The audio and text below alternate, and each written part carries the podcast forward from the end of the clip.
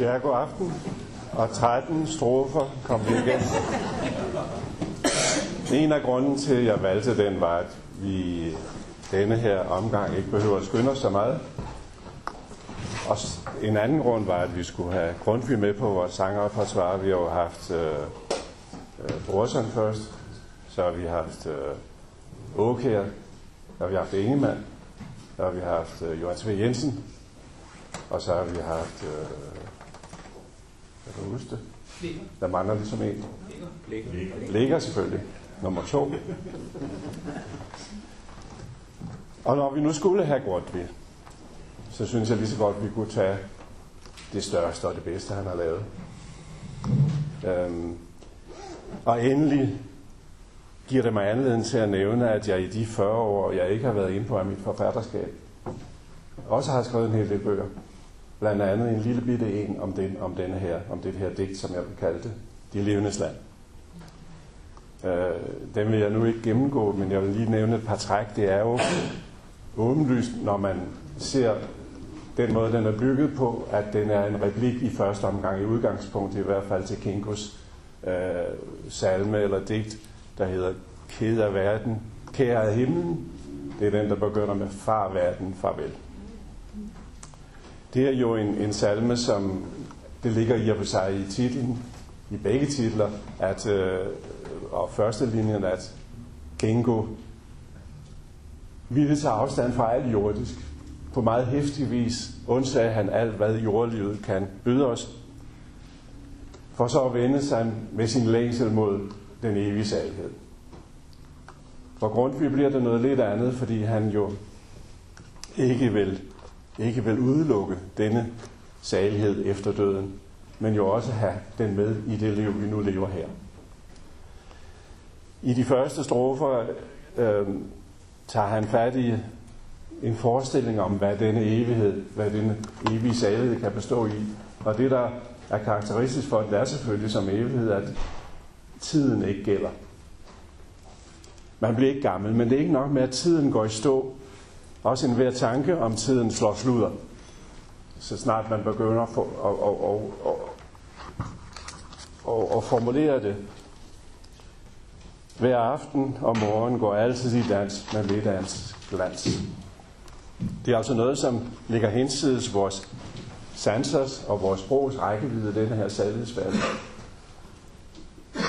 Og han forsøger sig med endnu nogle, endnu nogle, øh, endnu nogle linjer, endnu et par strofer og prøver på at komme det nærmere, men vender sig så mod det enkle, den, e-, en enkel måde at nærme sig det på, fordi han siger, at denne verden, som ligger fuldstændig uden for vores rækkevidde, kun kan, vi kan kun fantasere, om vi kan prøve sådan forgæves og sprogligt formulere den, den aner vi dog i den verden, vi lever i, og den aner barnet,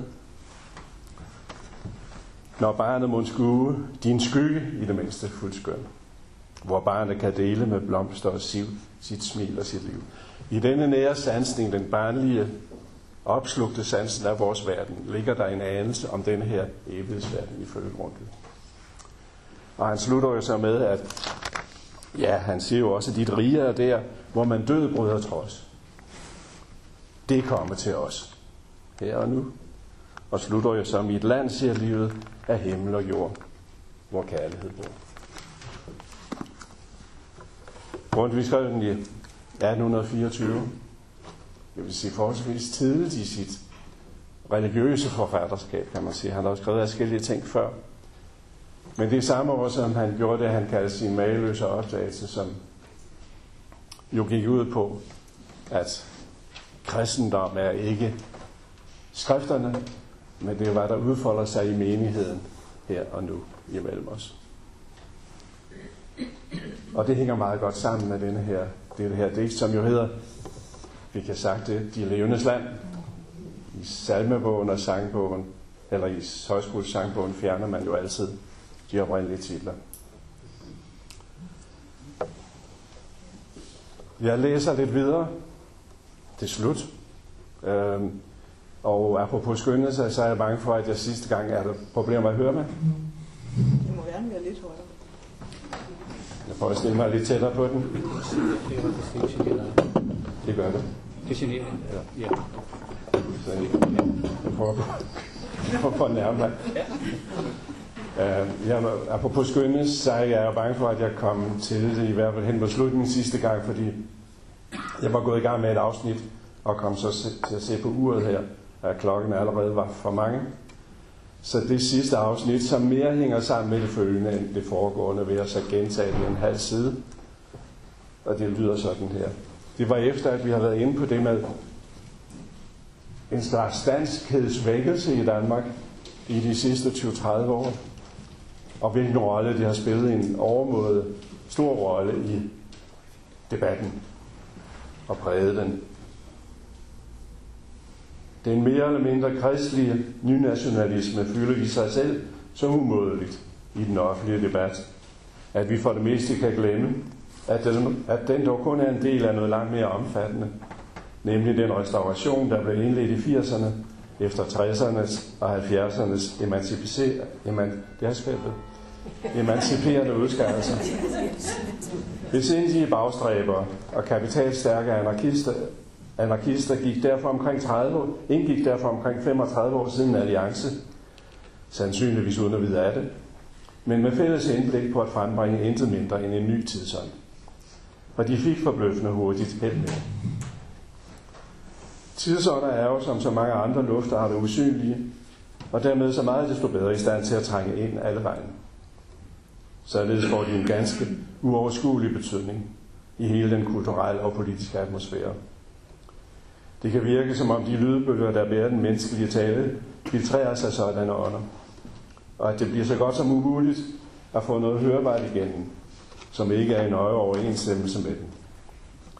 Vi kan naturligvis alle sammen blive ved med at sige, hvad vi vil, uanset hvilken slags tidsånder, der i øjeblikket måtte indhylde os.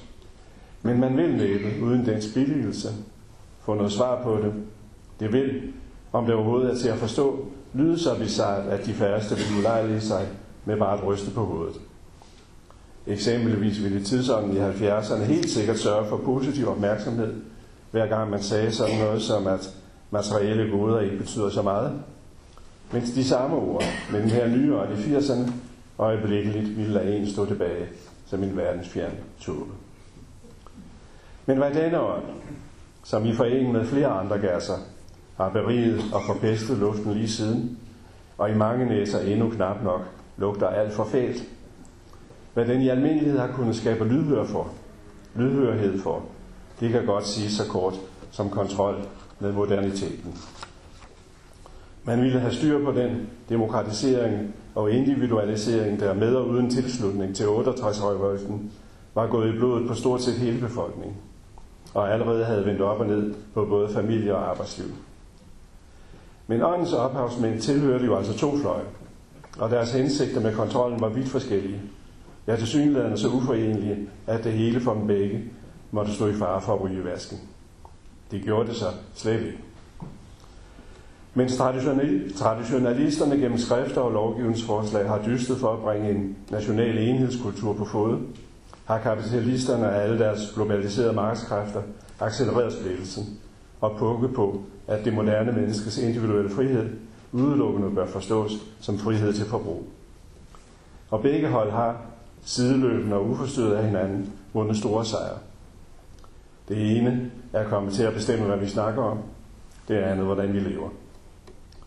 Og alt imens har kvinderne, som bekendt, sat deres epokeskabende selvbemyndigelse igennem med en kraft, som de begge måtte vige for. Alene de kvinder vil vi alle sammen her takke, hvis vores efterkommere dog inddrager en formidlende omstændighed, når de skal fælde deres dom over den tid, og den vidtdrevne forringelse af det naturgrundlag, de vil have at ernære sig af og leve på. Men langt det meste af det, de gamle 60'er-oprørere fandt på og fik sat gang i, har vores deres nyliberalister jo altså med største fornøjelse taget til sig. Og skønt de så straks har givet det deres helt egen kapitalistiske drejning. Oprindeligt var det på ingen måde meningen, at en hver slags emancipation bare skulle bruges til at tjene flere og flere penge. Og til den ende har naturligvis også kvinderne og deres frigørelse kunne anvendes, hvor stærkt de end har forfulgt og opfyldt deres egne formål.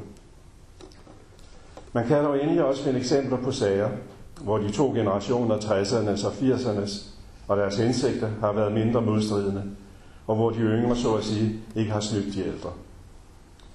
Det gælder frem for alt, når vi nærmer os det, de fra begge sider så gerne vil kalde finkulturen. Ingen af dem har ønsket at vedgå arv og gæld. Det kan være, at ungdomsoprørerne fandt den alt for belastet af borgerlighed, og at jubierne har svært ved at se nogen som helst forretningsmuligheder i den. De var dog hele bundet, fuldkommen enige om, at den hurtigst muligt burde afhændes, i bedste fald måske til en maskendiser, men ellers køres direkte på lodspladsen. Der er aldrig i Danmark, og slet aldrig efter reformationen, sket noget, som ikke allerede var sket, eller var ved at ske i flere andre europæiske lande. Ofte er det så hos os blevet transformeret til noget mere moderat, noget mindre rabiat, noget som for de fleste almindelige mennesker måske kunne være gavnligere. Jeg kan ikke komme i tanke om andre undtagelser fra denne tendens til mådehold, end netop vores forhold til det almindelige og det folkelige. Her raser vi ud. Her går vi til yderligheder. I folkelighed er vi ekstremister. Kritikken af den borgerlige dannelseskultur blev i 60'erne også fremført i de øvrige Europa. Men der har den endnu ikke helt befriet skoleeleverne for at skulle lære visse passager af klassiske digterværker udenad. Her til lands havde den til følge, at en hver sådan kulturel bagage øjeblikket blev skrottet. Hvis vi nu bare lige i denne sammenhæng ser bort fra traditionalisterne til højre, der hvad litteraturen angår, endnu kan samle sig om den nationalkristelige glansperiode, ja, så er det altså nu for længst slut med alt det gamle bras her hos os. Men heller i helt nye bøger kan nogen tv-kanal anse for egnet til erobring af folkets bevågenhed, medmindre de kan tjene som påskud til yderligere promovering af en af, af, en af dens kendte sværter. Og folkebibliotekerne har ikke alene opgivet at støv af magasinernes bøger fra i forgårs. De rydder straks op i de nytilkommende. Så en forfatter i dag skal være glad, hvis han når at udgive sin tredje bog, inden den første er makuleret. Måske efter lige en lørdag formiddag har ligget fremme på den slags loppemarkeder, som vi jo altså stadig kalder biblioteker.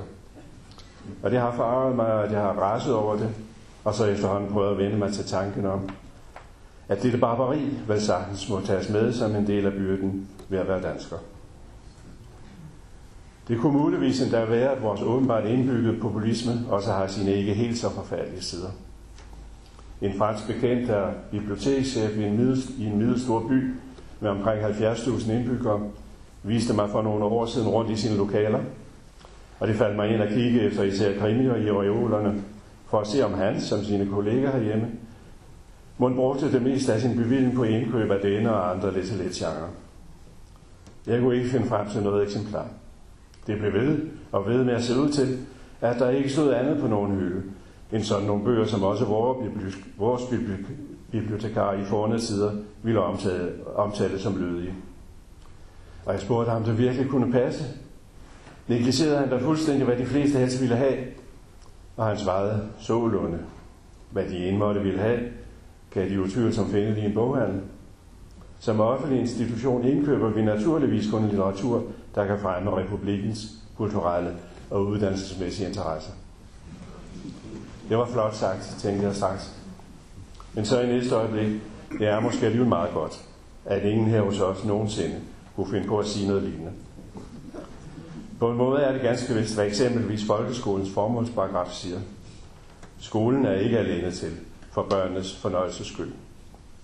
Men alle vi danskere synes nok, at det skal den nu alligevel være. Egentlig også mere end noget andet. Og det samme i grund med bibliotekerne. De skal i hvert fald ikke opdrage os. Og de skal der først og fremmest være hyggelige steder at komme. Og som leverandør til disse biblioteker, I stemmer jeg måske temmelig spagt og lunkent.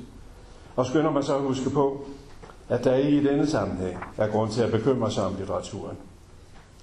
Nedlagde man samtlige biblioteker, og afskaffede man al medieomtale af den, og enhver anden formidlingsindsats, ville det kun ganske overfladisk kunne skade den. Det er sandsynligt, at læsningen af den ville gå lidt hurtigere tilbage, end den allerede gør. Jo fordi mange, der uden særlig lidenskab og mere for tidsfordriv har læst, nu slår sig på tv-serier. Men de serier vil aldrig, som endda litterat og samtidig fabler om, kunne erstatte litteraturen.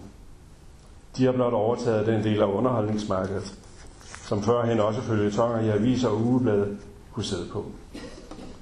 Den sproglige fortælling som bedst vil de ikke kunne fortrænge, for den er, hvad den er, netop ved at være sprog. Det vil aldrig blive muligt at erstatte litteraturen som sådan med noget andet end den selv. Ligesom det ikke er muligt at, at erstatte mad og drikke med noget andet end mad og drikke, og ikke ilt med noget andet end ilt. Og nu betinget nødvendighed af sprogkunst gælder naturligvis også andre kunstarter. Behovet for at lave streger og tegne moduler og skabe billeder er indbygget i vores biologi. Ligesom vi rummer gener, der evige altid, vil drive os til at lege med verdens lyde og, var, og vores egne fløjt og træl og skabe musik. Og som sprogets kunstart, kunstart har litteraturen rødder i vores menneskelige væsen, som ikke kan rykkes op og ud af den, uden samtidig at slå os ihjel. Som art har vi vist nok eksisteret her på jorden i op mod en halv million år. I al den tid har det ikke været til at opdrive noget levende menneske, som har kunnet holde sig fra at digte og fortælle. Hver eneste af dem har, en, har hænderne kærlighedserklæringer og udstødt klager og vedråb, og dermed allerede ladet høre fra sig som poeter. Og hver eneste har også hver dag fortalt om sine oplevelser og er til om hele sit liv. Og hvis han endelig med føn og klem har inddraget sine syner og alle fantasiens figurer i sådan en fortælling, så kan han have været godt på vej til at forme sit folks store epos.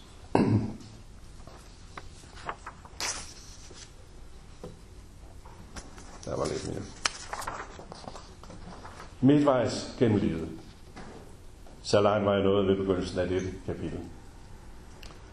Og det var altså jo som dengang, der sidste juni, da jeg blev døbt, og vores nye lade blev indvidet. Æbletræerne var nu for længst afblomstret, og fuglene var ved at gøre sig helt færdige med at kvidre. For det var sommeren, der kom. Med yngelpleje og frugtsætning, og bærene blev modne, og kornet skred, og de struttende aks bøjede sig langsomt, som kernerne blev hårde. Det blev høsttid. Markens dyr blev flænset op af majetaskerne. Så rig og blodig en høst blev det. Og sådan lugtede også augustmørket, varmt og prægtigt. Som det store mørke, der med et par iskolde vindkast tunede frem for enden af slutmarkerne. Der stod døden. Og man havde ellers næsten glemt den død og dens mørke. Og man vidste nu straks igen, at man skulle fortsætte sin vandring. Og man skulle stadig nærme sig. Og til sidst stå helt tæt foran dette fuldkommende, det er det endeløst smukke og rejsomme mørke stå der et øjeblik, og så falde ind i det. Jo, døden havde været næsten helt væk i mange år. Efter en ungdomstid, hvor jeg gerne havde stillet mig sådan helt tæt op foran den, for at vise den min overlegne styrke. Der midtvejs dæmmer sig igen mindet om den, og den kom til at stå tydeligere og tydeligere for mig. Og den vil måske ende med at træde frem i min skinbarlige virkelighed, og i samme smertelige og lammende vælde, som den kunne gøre, da jeg var barn. Jeg kunne ikke forstå, at den skulle være der. Ikke for mig i hvert fald. Og jeg hørte meget noget efter, når vi i skolen havde bibelshistorie fra Olsen, havde allerede fortalt os om en, der var slået for at dø. Måske var der længere frem flere, og så ville det ikke længere være så underligt, hvis jeg også blev en af dem, der aldrig nogensinde skulle dø. Men så rejste Olsen fra vores by. Og med ham var det også snart slut med fantastikken som skolefag. Og jeg stod ligesom forsvarsløs over for døden. Og jeg tænkte hver evig eneste dag på, hvordan det, hvordan det ville være, når den gang kom og tog mig. Især når noget godt var ved at være forbi. Kunne jeg, sagt, kunne jeg også sagtens forestille mig det. Og det kunne være efter en lille rejse i bilen, når vi om et øjeblik ville være hjemme på Jens Minde igen, vores gård og så skulle ind og i arbejdstøjet. Eller det kunne være, når et omrejsende Tivoli kom til byen, og jeg var oppe i luftgyngen, og jeg svang mig i en rus op mod himlen, indtil der blev ringet med klokken. Og jeg skulle ned. Det er sådan her. Det er at dø, sagde jeg til mig selv. Hvordan det udefra så ud at være død, det vidste jeg ellers alt om. Vi var i landsbyen med i alle stød. Rasmus er død. Sådan husker jeg meget tidligt, da midt om natten blev råbt udenfor. Og der blev banket på ruderne og råbt igen, Rasmus er død. og mine forældre stod straks op og klædte sig på og gik ud til Rasmus gård for der samles omkring livet med folk fra hvert et hus i byen. Var det om dagen, der skete et dødsfald, måtte vi børn også med. Og vi skulle så sige farvel og synge med på en salme, og til sidst gå hen og kigge lidt på den døde. Og de var så ubeskriveligt vemmelige, de der indfaldende blå fjæs. Og det var næsten heller ikke til at holde op igen med at glo på dem. En del af begravelserne slap vi alligevel for, og vi havde så et par timer byen for, vi havde så i et par timer byen helt for os selv, mens alle de voksne sad i kirken eller i forsamlingshuset og drak kaffe. Så var der heller ikke hos dem meget tilbage af efter endnu et par dage. Havde døden, havde døden ligesom været for tidligt ude, så var det dog noget, man måtte se at komme over i en ruf, ligesom når havren i kæret rådnede på roden, eller kreaturerne havde været ramt af mund- Og de allerfleste døde jo gamle og med fuld tilfredshed. De havde passet deres jord og deres dyr, også det gavn for deres arvinger, og det var da næsten utænkeligt, at vor Herre ikke skulle være til sinds er så godt imod dem. Det er ikke så mange af os nu helt sikre på. Og mindre kan måske også gøre det. Men næppe heller så lidt, som at nyde livet, så længe det var, og tage for sig af det tærligheder. Gastronomi, flødeboller, sex, opera, bowling, rejser. Muligvis hjælper det ikke engang at hengive sig til den sundhedskult, der vil nu er ved at kulminere, men dog fortsat løber løbsk. Som i andre historiske perioder, hvor man ikke har kunnet fastholde nogen idé om at være til for andet end sin egen skyld. Jeg gætter på selv tanken om, at man engang har bestået en jernmand, eller dog været på safari i Afrika, ikke på dødslaget kan give mening til det hele.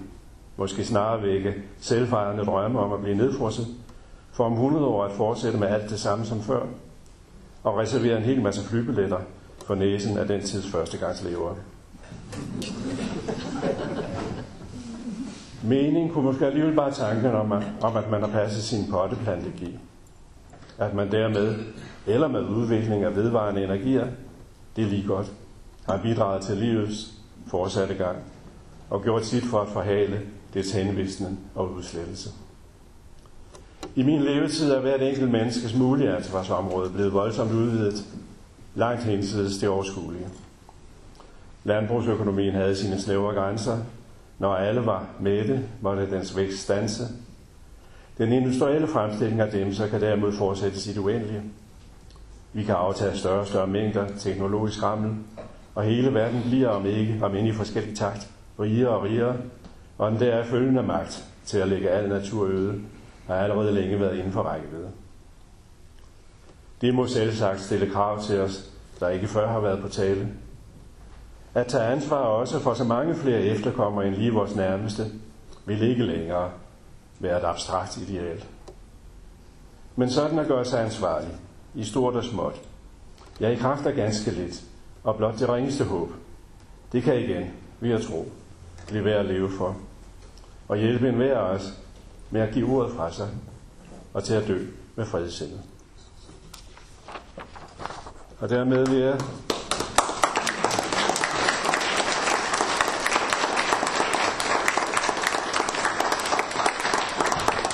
Dermed gav jeg i en forhåbentlig mere forløbig forstand ordet fremad. Og øh, vi har reserveret lidt tid.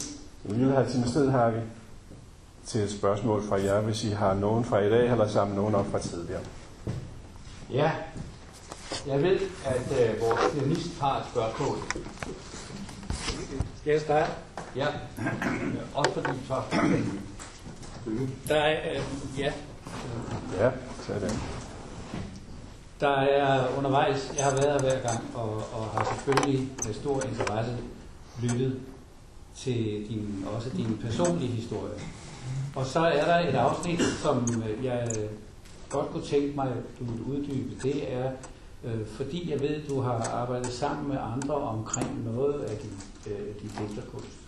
Øh, blandt andet i øh, et skuespil, som blev opført på Herning, øh, den der lidt revolutionære teaterskole, som var derovre, hvor man faktisk lavede en masse kollektiv teater. Øh, og, og det kunne jeg godt tænke mig, at du ville sige lidt om, fordi du står jo i højskolesangbogen.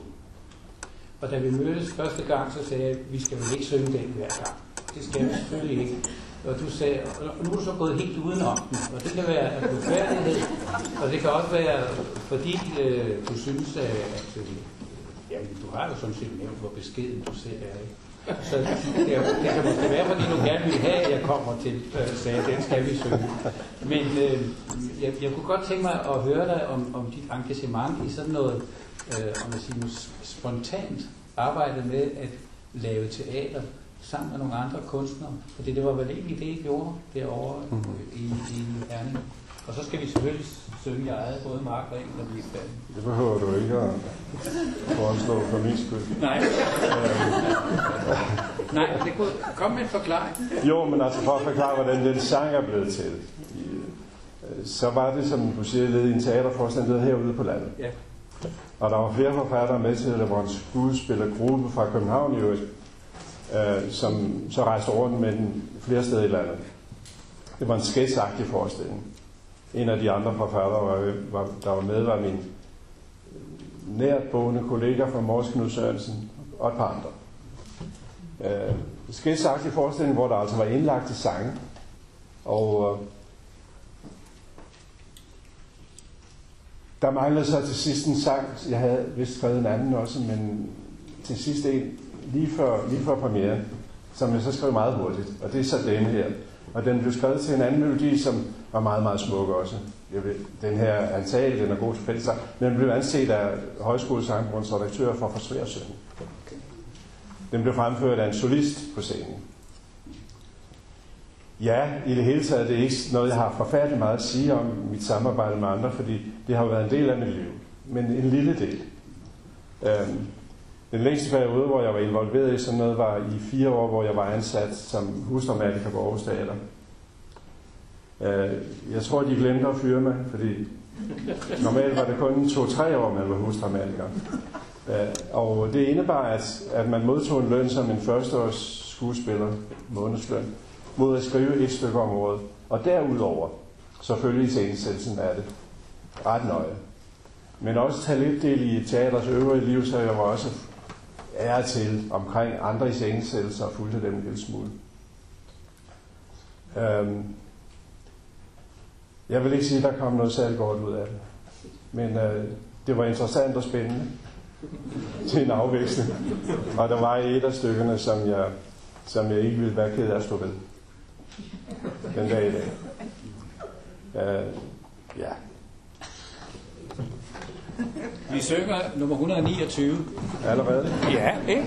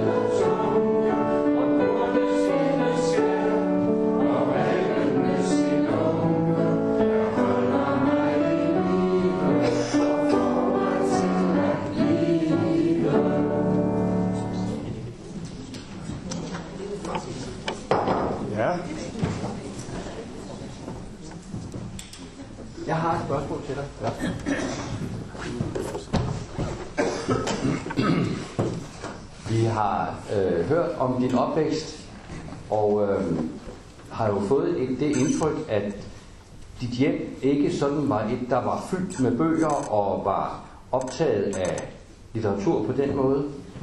Øh, og derfor, og det kan jeg nemlig, jeg har prøvet at spørge min kone og andre, hvad var det egentlig, der fik en bondedreng som dig til at tro, overhovedet at ville være forfatter?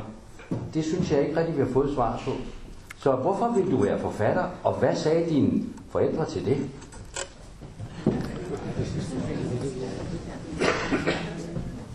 Øh, Jeg har måske alligevel været lidt inde på det. Øh,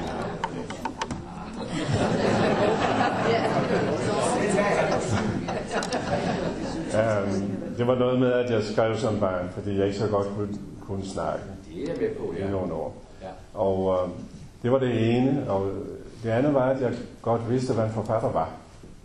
Fordi en af vores naboer, vi kaldte naboer folk, der grænsede op, vi havde jord, der grænsede op til, var forfatter. Nemlig Knud Bækker. Øh, han boede ikke ret langt fra os. Og øh, jeg vidste, at, at han skrev, og jeg kendte ganske vist ikke nogen, der havde læst hans bøger. Men jeg vidste at også, at han var meget fattig. Men dog, at, man, at han var almindelig respekteret som sådan. Det var okay for alle mennesker, selvom de ikke interesserede sig for at være forfatter. Min far var formand for brugsforeningen, og min onkel var brugsuddeler.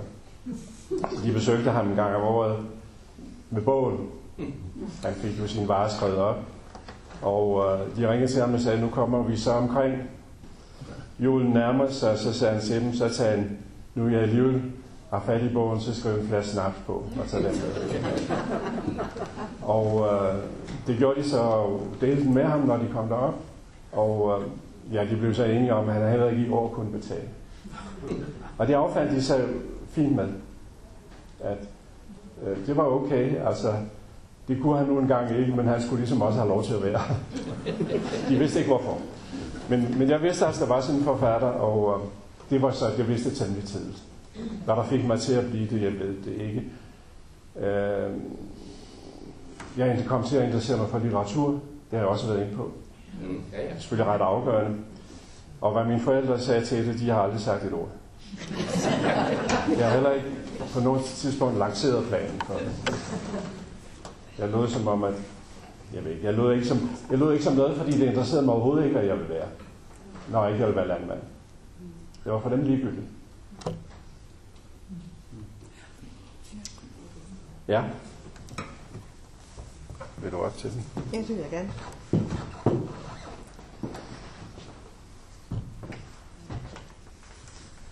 For en snes år siden, tak.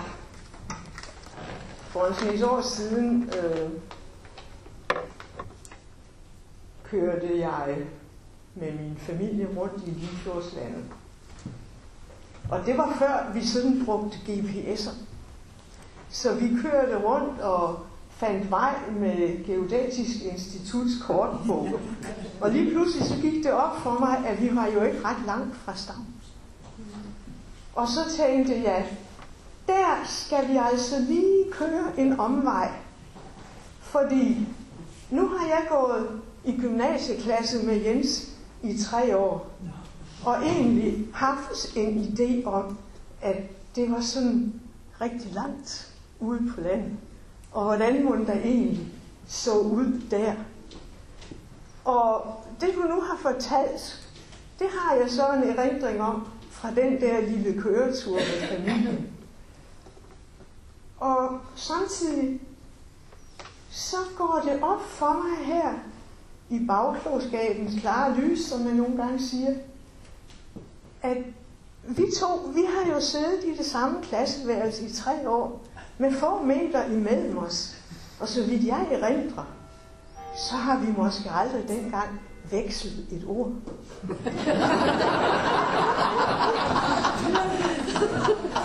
For det var der jo ikke nogen grund til. Og da jeg i slutningen af 60'erne kom på seminariet, og der blev præsenteret for noget, der hed gruppearbejde, som var aldeles ukendt på Aalborg Katedralskole, så kan jeg jo også godt se nu, at der var jo ingen grund til, at vi sådan udvekslede idéer. Øh, fordi vi blev jo doseret oppefra og ned, som Jens og Hamne har været inde på, med de der eksperter. Og jeg synes virkelig, det var et gensyn med vores lærere, som du præsenterede i et af dine første afsnit. Det, det var virkelig sådan, det var. Ja. Og så er det jo også, at jeg tænker på, at vi blev studenter i 1965. Og det var tre år før det der navnkundige ungdomsoprør, som jo ikke nåede til Aalborg Katedralskole i vores tid. Overhovedet ikke, så vidt jeg husker. Og så synes jeg, at det er ligesom om, at vi var i en tidsalder, som var længe før 68. Og vores verdener, din og min, var også i udgangspunktet meget forskellige. Og det har været tankevækkende for mig her bagefter et langt levet liv. Hvordan vi er kommet til gymnasiet af to forskellige spor. Og vel at mærke til det mest konservative og traditionsbundne gymnasium i Aalborg, hvor der altså netop det år, vi begyndte, var tre gymnasier. Men Aalborg Katedralskole, ja, vi er kommet af hver sit spor. Fra hver sin verden. Fra hver sine baggrunde. Fra et bundesamfund uden bøger, som du har nævnt. Og jeg kom fra en familie med en lang akademisk og kulturel tradition, som jeg som ung pige heller ikke rigtig vidste, hvad jeg skulle stille op med. Men det var bare sådan. Og det er tilfældigheder, hvor man ender henne. Du var inde på, at du kunne lige så godt være kommet til ØK, som du kunne være kommet på gymnasiet. Og jeg har nærmest på fornemmelsen, at når jeg kom i gymnasiet, så var det fordi, hvad skulle de ellers stille op med mig? ja. Men Jens, det har været en fornøjelse at følge dine forelæsninger, og det har også været en fornøjelse undervejs at få sat nogle ting på plads med det, der skete i årene efter vores tid. Og det vil jeg gerne sige dig tak for.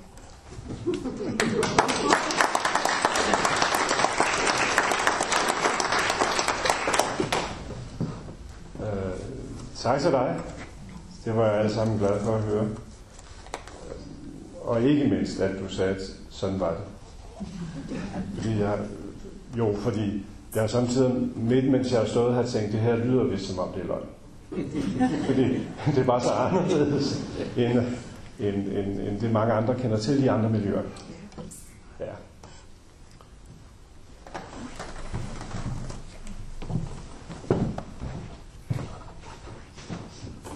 Kunne du ikke lige nævne, hvad du hedder? Ja, det vil jeg gerne.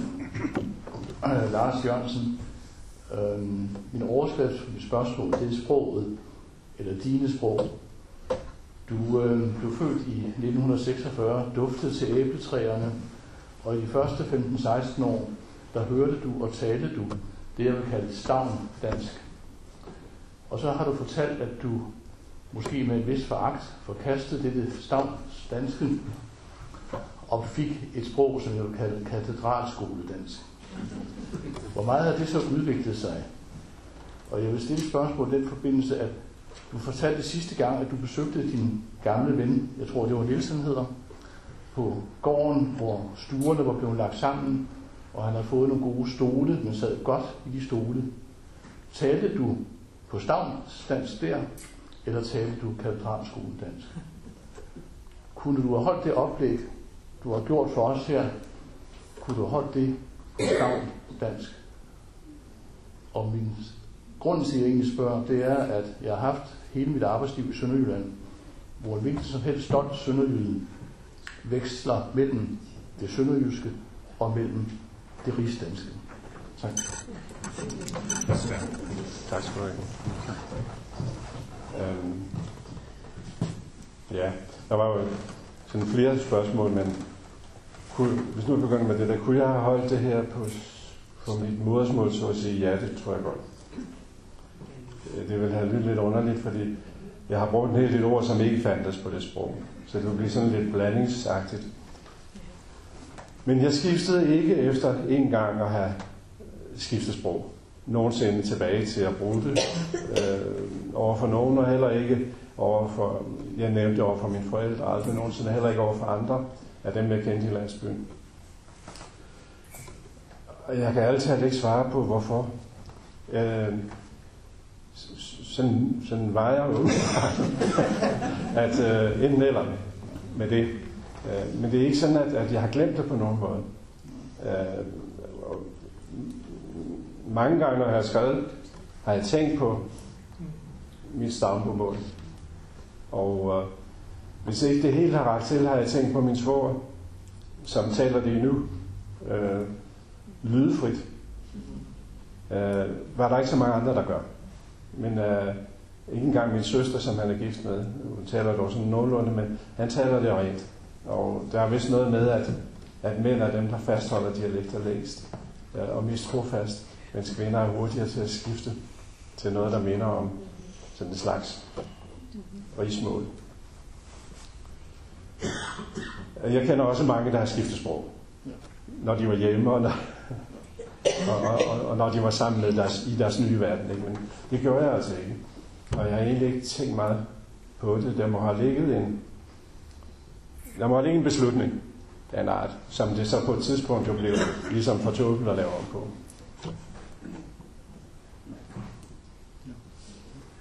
Ja. Se, er der flere? To ting. Ja. Det første, det er, at øh, du antyder noget om, nej, du siger rent ud, at vi alle sammen skriver, vi alle sammen har tanker om øh, vores liv og det gode og det onde plan, og det nemme og det svære, og vi skriver ord, og vi laver musik, og vi laver små streger. Okay. Så antyder du faktisk en forskel på Frankrig og Danmark i forbindelse med ham bibliotekaren der, ikke? Så er det, jeg kunne tænke mig at spørge, ser du en forskel, og det er bare noget, jeg lige kommer i tanke om, ser du en forskel i øhm, de franske politikere og de danske?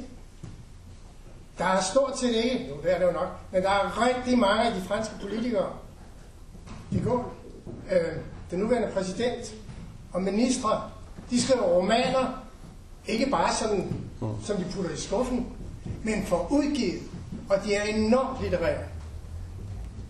Det er ikke mit indtryk, at vores politikere sammen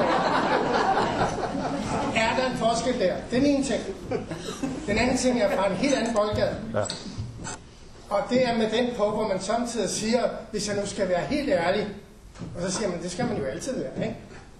Men den første gang, og det her det er lidt groft, ikke?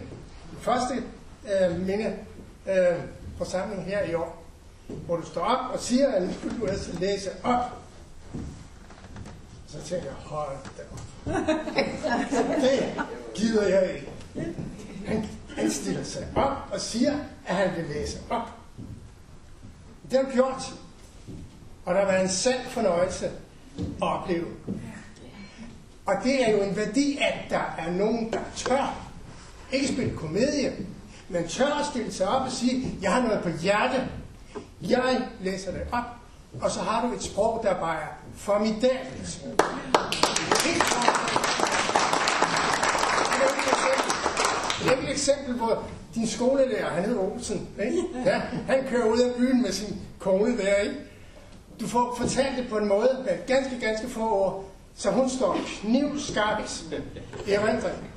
Det kan godt være, hun ikke betyder så meget, men det er bare et billede på, at det sprog har været fremragende, og er fremragende. Det var en stor oplevelse at få lov til at være med her. Men hvordan er det med de der franske og det danske. Du har jo sådan set sagt det, at øh, hvad man kan tilføje eller understrege, det er jo, at de har en tradition for, at sådan noget er ikke alene tilladeligt, men også påkrævet nærmest, hvis man skal spille en stor rolle i det offentlige liv. Øh, det er vanligt blandt dem at citere litteratur, henvise til litteratur til deres store forfattere, som de jo altså også har lært noget uden af i skolen alle sammen. Så de kan citater, som de kan bruge i passende lejligheder. Så det virker, det virker så at sige naturligt, tror jeg nok på franskmændene jo ikke, at, at, at de taler på den måde, mens, det, mens man næsten bliver lidt flov, hvis en dansk politiker nævner en bog. Det virker som om, det er noget, der er opfundet til lejligheden, og for ligesom at gøre sig bemærket på en måde, der ikke helt er dækning for. Ja.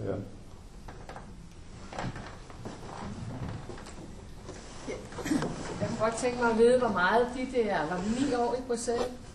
Ja, Hvad det har betydet for dit forfatterskab og for din stilling til Europa og politik i det hele taget? Nej, det sidste er måske, så det bliver for langt, men det andet, Ja, det andet det første er i hvert fald meget kort. Fordi jeg tror ikke, det har betydet så meget igen. Ja. Jeg har ganske vist, jeg har ganske vist nogle gange skrevet om, hvad jeg har set uden for vinduet, sådan som rammer for det, men, men, men, men stoffet kommer på en anden måde. Øh, og øh, jeg har ikke kunnet bruge noget af det, som jeg har oplevet i Luxembourg. Det var vældig interessant, som jeg fik sagt vel, at være der, og det gav en masse nye erfaringer, også en masse ny viden. Men jeg har ikke sådan, jeg har ikke sådan brugt det, eller kunne bruge det, eller det er ikke, blevet, det er ikke kommet ind.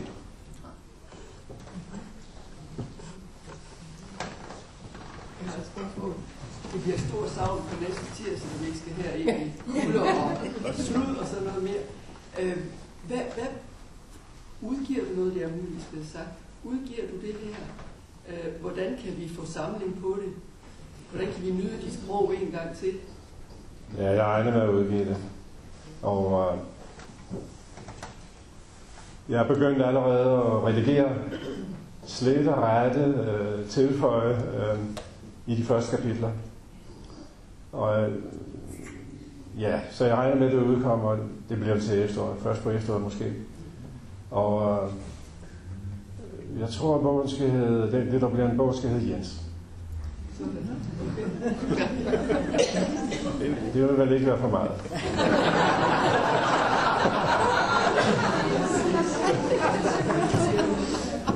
Jeg kan tilføje, at øh, vi har jo haft sådan en lille båndoptager her liggende hver eneste gang, og har altså optaget samtlige øh, foredrag. Og de vil blive lagt ud på vores hjemmeside. Det er sådan nu, i øjeblikket har vi en hjemmeside, som er rigtig dårlig til at, at få sådan noget lagt ud på. Men vi er meget langt i gang med at få en ny hjemmeside sat op. Og så vil det foredrag her komme, og i øvrigt så også øh, Eva Smits, fordi det er der flere, jeg har, øh, jeg har lovet, at, øh, at det også en dag vil komme. Men altså ud over Jenses bog, så vil man også kunne gå ind og høre Jens øh, fortælle øh, her fra talerstolen. Nu er klokken 6, og øh, jeg vil gerne sige tusind tak for nogle fantastiske aftener. Øh, og som du kan se, så har folk været glade. De er kommet igen og igen. Øh, og øh, jeg har også selv været utrolig glad for, og som Hans Kofod siger, så var det også fantastisk at opleve et mands mindeforedrag, der bliver læst op, og det også kan lade sig gøre, og, og, og at det bliver en stor oplevelse.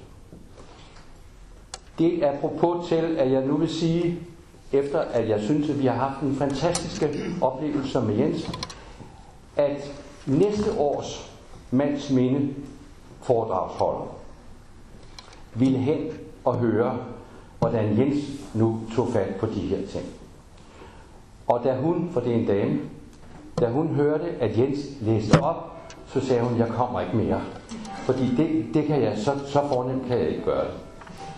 Det er jeg nu ikke sikker på at nødvendigvis, at det er sådan, men næste år har vi fået en aftale med Bodil Nybo Andersen, vores tidligere nationalbankdirektør, som vil komme og fortælle om sit liv øh, ud fra, hvad skal man sige, sådan en erhvervskvinde synsvinkel. Det har jo været en idé med alle vores foredrag, at vi så at sige er dykket ned i nogle bestemte synsvinkler på samfundet. Det kan være den juridiske, eller den, som sidste år den politiske, og i år den litterære, men altså næste år bliver det så erhvervskvinden øh, Bodil Løv Andersen, som også har et meget spændende liv øh, at fortælle om.